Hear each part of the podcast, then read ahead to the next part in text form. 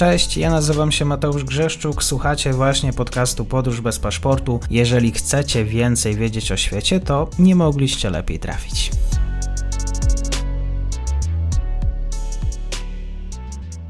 Partnerem odcinka jest Oanda, TMS Brokers, dom maklerski obecny na rynku już od ponad 20 lat. W opisie odcinka znajdziecie link do aplikacji, której możecie otworzyć konto maklerskie i grać na giełdzie, a wcześniej potrenować na koncie demonstracyjnym. Jeżeli otworzycie konto za pośrednictwem tego linku, dostaniecie na start książkę o tematyce inwestycyjnej. Zapraszam, Mateusz. Dzień dobry Państwu, dzień dobry wszystkim e, słuchaczom. E, okres wakacyjny to również czasami ucieczka od tej wielkiej geopolityki, aczkolwiek tematów do rozmów o sytuacji międzynarodowej, międzynarodowej nie brakuje. Postanowiłem, że od czasu do czasu będą pojawiać się odcinki, które pokazują pewien fragment e, danego regionu świata poprzez pryzmat a to czasami różnych branż. Państwo mam nadzieję, że są już odsłuchali rozmowy o kawie. Dzisiaj na prośbę też słuchaczy będziemy rozmawiać o winie. Jeżeli o winie, to z panem Łukaszem Ostrowskim, który działa aktywnie już od wielu lat w polskiej branży winiarskiej. Stowarzyszenie Sommelierów Polskich, również dziennikarz, ekspert, specjalista zdający branżę od podszewki. Dzień dobry panie Łukaszu, kłaniam się. Dzień dobry panie Mateuszu, witam naszych słuchaczy. Dzisiaj będziemy rozmawiać konkretnie o Francji. Mam wrażenie, że to może tak, żeby jeszcze słuchacze mieli podstawy podstaw Będę zadawał dzisiaj banalne pytanie, więc proszę o wybaczenie. Co to znaczy dzisiaj francuskie wino? To znaczy wino wyprodukowane we Francji. Tak? Pod tym względem przepisy apelacyjne i przepisy dotyczące ustalenia pochodzenia wina są bardzo konkretne. Tak, jeżeli mówimy o winie francuskim, to znaczy, że jest to wino, które e, pochodzi z e, winogron wyprodukowanych, e, wyhodowanych na terenie Francji niekoniecznie winifikowanych tam, ale na ogół też winifikowanych. Natomiast jakby prawo nie, nie uwzględnia kwestii kapitałowych, czyli może być właściciel winnicy, który jest obywatelem amerykańskim, ale ponieważ ma tą winnicę na terenie francuskim, tam są uprawiane owoce, tam zachodzi winifikacja, no to produkuje wino francuskie. Tutaj mhm. jest sytuacja bardzo jasna kapitał zagraniczny mocno wszedł y, w biznes francuski, wypierając tych lokalsów, że tak powiem? Rzeczywiście, jeżeli mówimy o tych takich e, dużych przedsięwzięciach, to tam rzeczywiście to jest kapitał międzynarodowy. Tak, i to mówię o, o tych takich rzeczywiście mm, dużych, e, bardzo ikonicznych regionach, takich jak Burgundia, takich jak Bordeaux, takich jak Prowansja e, na przykład, na przykład Miraval, tak, czyli ta taka mm, winnica, e, czy posiadłość w zasadzie produkująca różowe wina należąca do mm, Brada Pitta i Angeliny Jolie. Kilka miesięcy temu było głośno w związku z konfliktem tak, między, między obydwojgiem. E, więc tak, no, francuskie wina zwłaszcza te pochodzące z takich bardzo e, głośnych, bardzo sławnych regionów, są świetnym obszarem do inwestowania i na całym świecie to jest e, rzeczywiście e, gorący towar, można tak, można tak powiedzieć, chociaż w ostatnich latach te ceny winnic w takich najbardziej sławnych regionach francuskich, one raczej się ustabilizowały. Przestały rosnąć, utrzymują się na mniej więcej niezmienionych E, poziomach. Mhm. To jeszcze dopytam, te najbardziej znane regiony to? E, no cóż, w kulturze popularnej na pewno najbardziej znana jest szampania, e, bo szampan jest marką samą w sobie. Można znać szampan nie do końca wiedząc, czy pochodzi z Francji, czy z innego kraju. Jest też oczywiście Bordeaux, jest Burgundia, jest Prowansja, Dolina Rodanu również jest e, takim bardzo sławnym regionem, ale ja bym powiedział, że to jest taka, taki wierzchołek góry lodowej, dlatego że winiarstwo we Francji jest jedną z wiodących gałęzi przemysłu rolniczego. W zasadzie w całym kraju, przynajmniej od Paryża na południe, uprawia się winorośl, od Paryża na północ są miejsca lepsze i gorsze, ale tam też e, winorośl jest uprawiana, więc więc jeżeli mówimy o winie francuskim, tak naprawdę to jest, e, to jest morze zagadnień i jak w morzu można znaleźć tam e, wielkich potentatów, ale też można znaleźć dużo na rybku, czy nawet planktonu, tak, mówiąc tak obrazowo, więc to jest naprawdę bardzo złożony temat. Jeżeli mówimy o tych rzeczywiście dużych, dużych graczach, to, to tamten rynek jest mocno międzynarodowiony, jeżeli chodzi o kapitał. Na początku tego roku jeszcze w mediach pojawiały się informacje na temat swego rodzaju kryzysu winiarskiego we Francji. Przede wszystkim tu też chodziło, e, francuski, tutaj ta informacja się odbiła szeroko, że francuski rząd przeznaczył 160 milionów euro na swego rodzaju przekształcenie nadmiaru wina. To miało być wykorzystane w przemyśle kosmetycznym i farmaceutycznym. Rzeczywiście Francuzi uprawiają tak dużo, że tego wina zostaje? To znaczy, cóż, branża winiarska na całym świecie nie odbiega specjalnie od wielu innych branż produkcyjnych. To znaczy, zmaga się z pewnym problemem nadprodukcji. Tak? Zależnie, zależnie od roku, zależnie od, od momentu, ta nadprodukcja jest czasem większa, czasem mniejsza, tym niemniej e, jest zauważalna. W przypadku win francuskich problem leży też e, w silnej konkurencji. To znaczy, rzeczywiście Francja od e, już dłuższego czasu musi sobie poradzić e, z silnymi konkurentami. Tak, na kontynencie europejskim ma ich na południu, czyli Hiszpania i Włochy.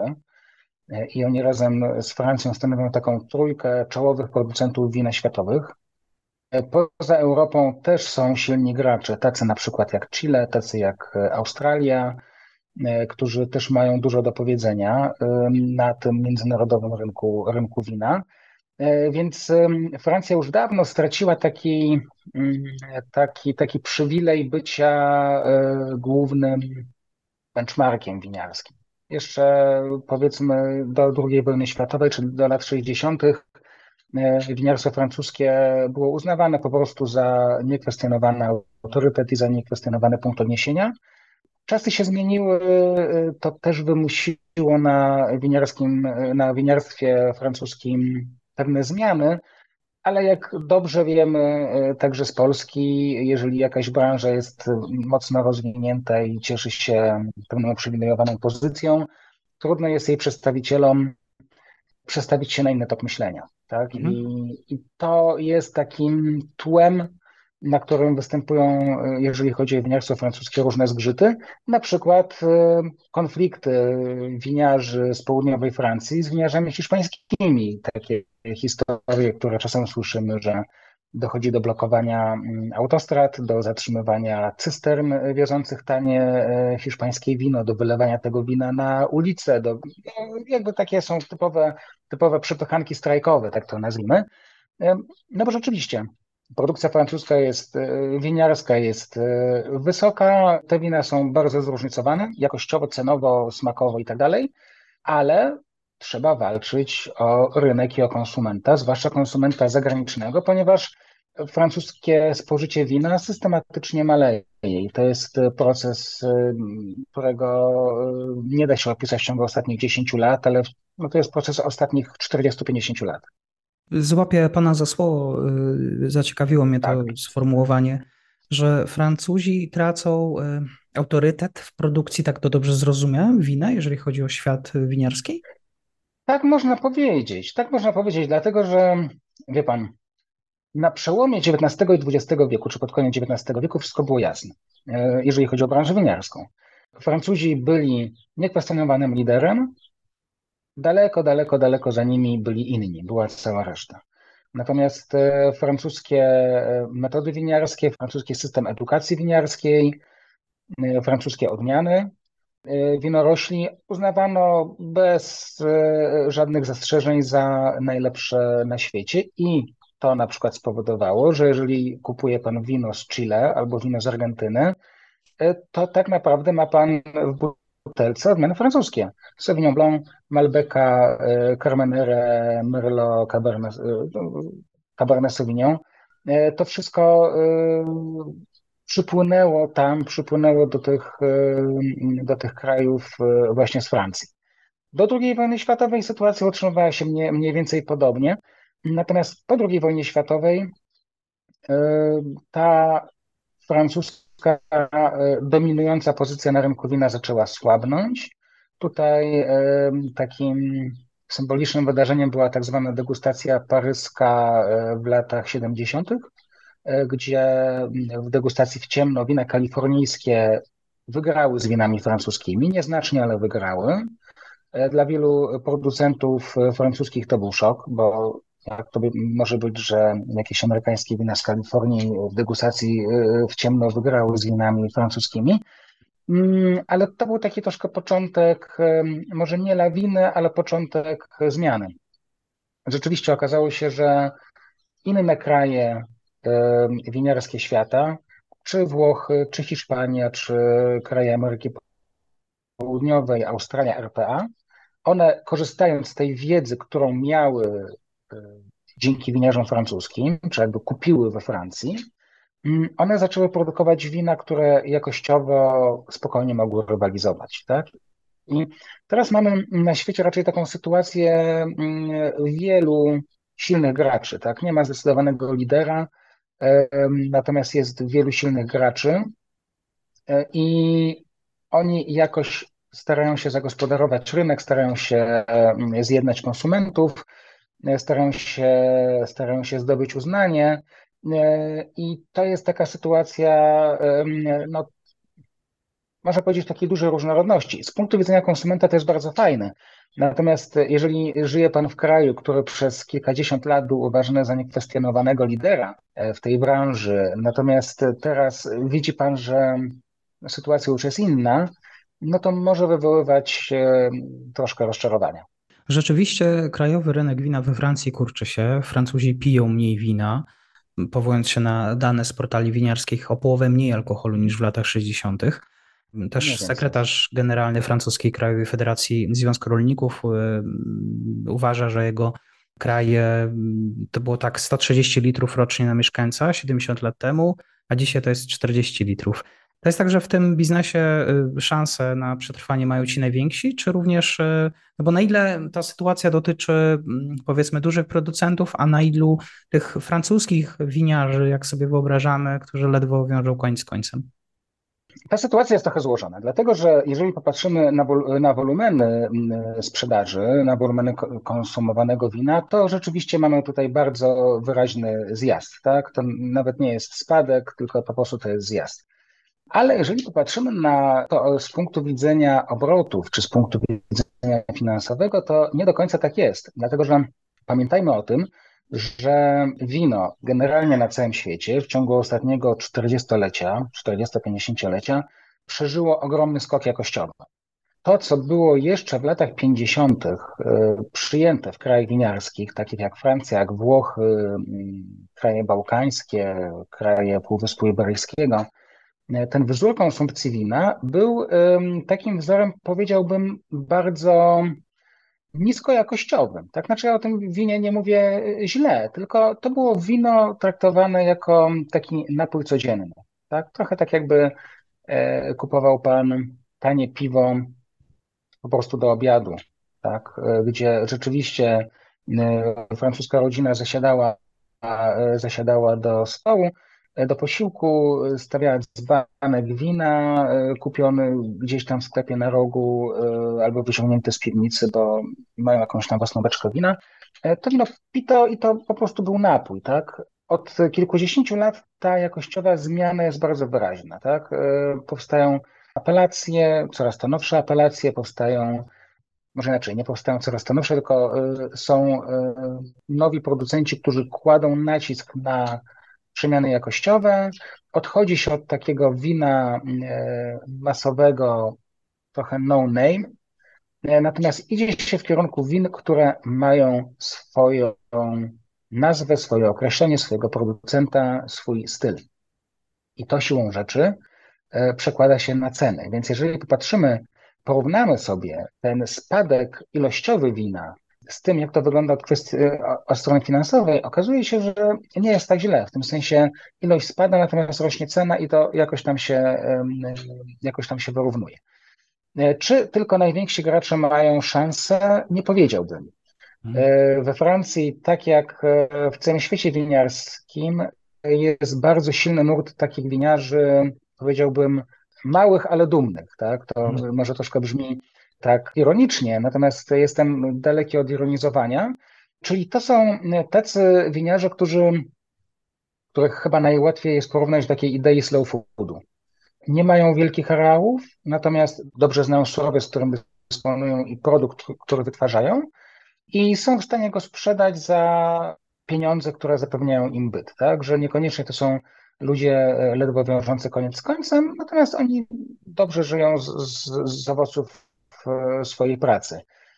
Oczywiście wielcy producenci mogą myśleć o ekspansji, natomiast na rynku jest miejsce dla tych takich bardziej rzemieślniczych, bardziej garażowych, tak, czasami się o nich mówi jako o winiarzach garażowych, e, producentów.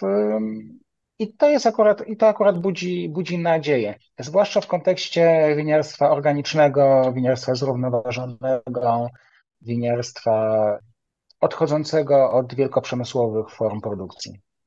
A może chodzi też o spadki dla tych młodych, dla których picie wina y, nie wchodzi w grę, wolą piwo albo inny rodzaj alkoholu? Może też zmiana jakaś nawyków żywieniowych, bo przecież też się mniej we Francji spożywa czerwonego mięsa?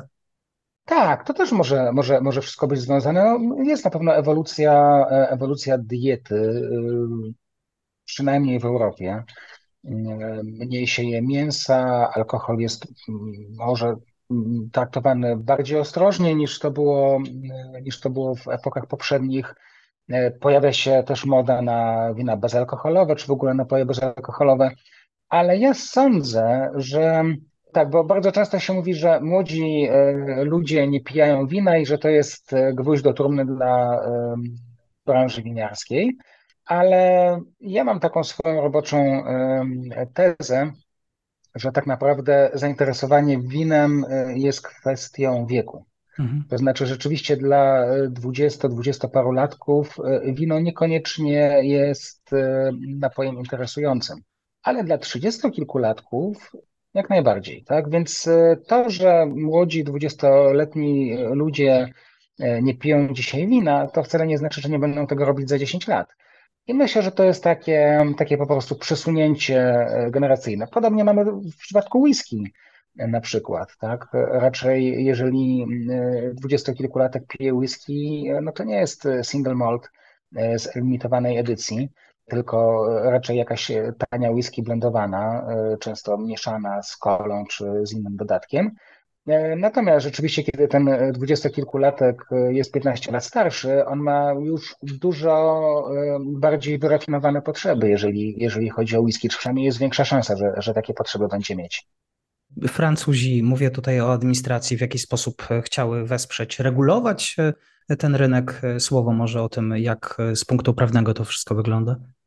Jak to wygląda z punktu widzenia prawnego? Znaczy, z punktu widzenia prawnego rzeczywiście jest tak, że dla e, rządu w Paryżu branża winiarska jest niezwykle ważna z powodów finansowych, z powodów zatrudnienia, z powodów też prestiżowych, bo nie ma co ukrywać, że wino jest e, produktem, który w Francji przynosi bardzo dużo uznania, bardzo dużo prestiżu. To, to nie jest byle co.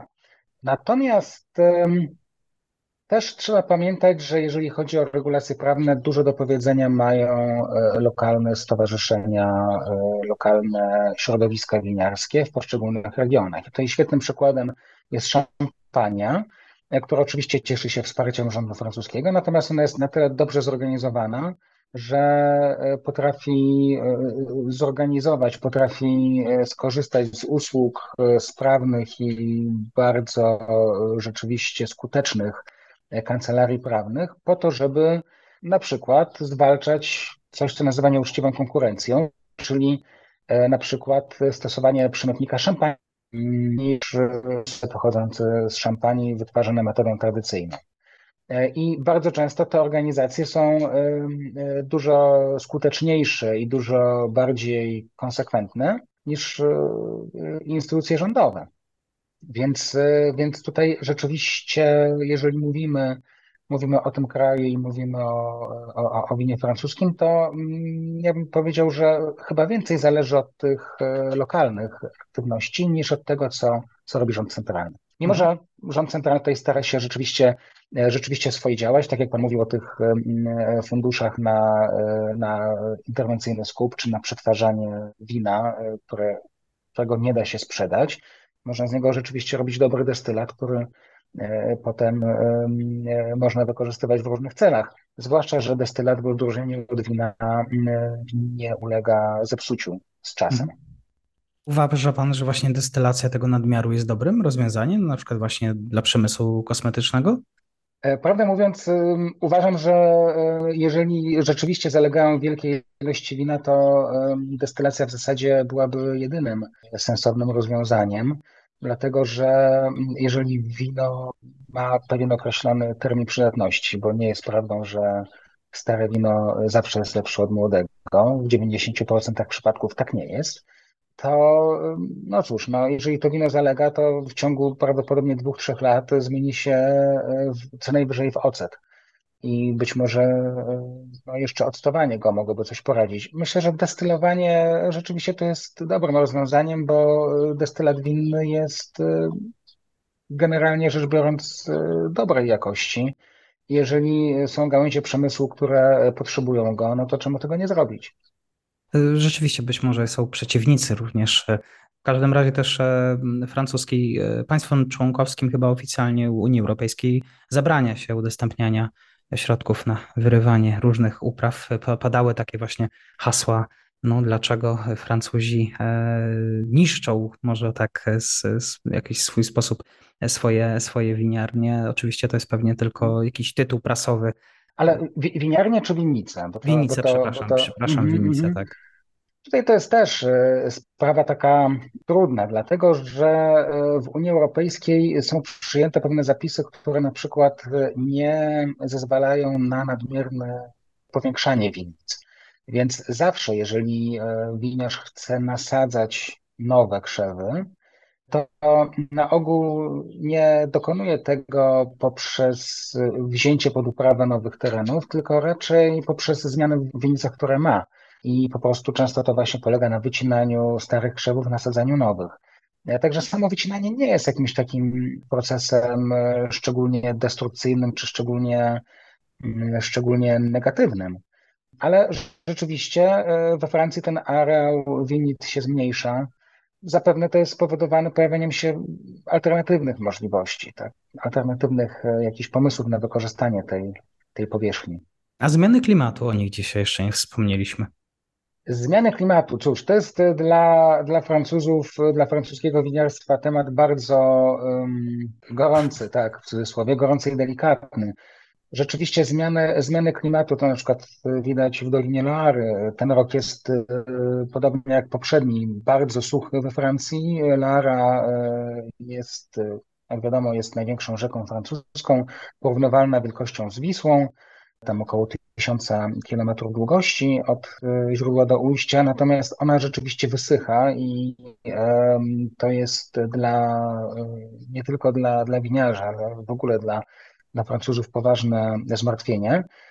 Ale w przypadku branży winiarskiej e, no, zmiany klimatu to nie tylko to, że e, jest mało wody. Akurat winiarość jest dosyć e, odporna na problemy z wodą, tylko że pojawia się problem zbyt silnego nasłonecznienia, zbyt wysokich temperatur i tego, że wino, które jest w tych nowych warunkach, czy jest produkowane z winogron w tych nowych mhm. warunkach powstających w tych nowych warunkach rosnących, jest winem, które zdecydowanie odróżnia się od pewnego ukształtowanego przez historię stylu.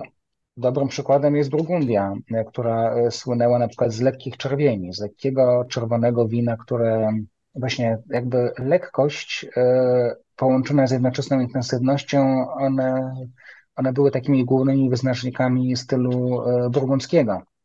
Teraz coraz trudniej jest winiarzom burgundzkim robić wina e, czerwone, które byłyby lekkie, które nie miałyby wysokiej zawartości alkoholu. Oczywiście można to robić, ale to na przykład czasami oznacza konieczność przetasowania, jeżeli chodzi o renomę poszczególnych siedlisk. E, dlatego, że tutaj Burgundia jest właśnie bardzo dobrym przykładem. E, tam siedliska, winnice, poszczególne miejsca, gdzie są uprawiane, gdzie jest uprawiana winorośl, są bardzo dokładnie opisane i one są brane pod uwagę w swoistych rankingach. Zmiany klimatu w ciągu ostatnich 15 lat spowodowały, że te rankingi trzeba czasami przetasować. Czasami okazuje się, że siedlisko, gdzie uprawiano doskonałe owoce, teraz daje wina zupełnie wyłamujące się z dotychczasowej tradycji, a z kolei siedliska, które na przykład wcześniej były uznane za zbyt chłodne, zbyt mało nasłonecznione, nie dające dobrego owocu, idą w górę, tak? Bo nagle okazuje się, że właśnie zmiana klimatu spowodowała, że te zbyt chłodne siedliska są temperaturowo całkiem, całkiem dobre. To też przekłada się na kwestie finansowe, bo bardzo często y, za winę z określonych siedlisk płaci się też określone pieniądze. Kiedy okazuje się, że te siedliska są uznane za, za, za gorsze, E, no to w tym momencie okazuje się, że być może trzeba przemyśleć politykę cenową. Tak, to jest taki bardzo złożony splot wielu e, czynników, wielu interesów też. I, e, no i tak, no i rzeczywiście francuscy specjaliści od wina często mają z tym duży ból głowy.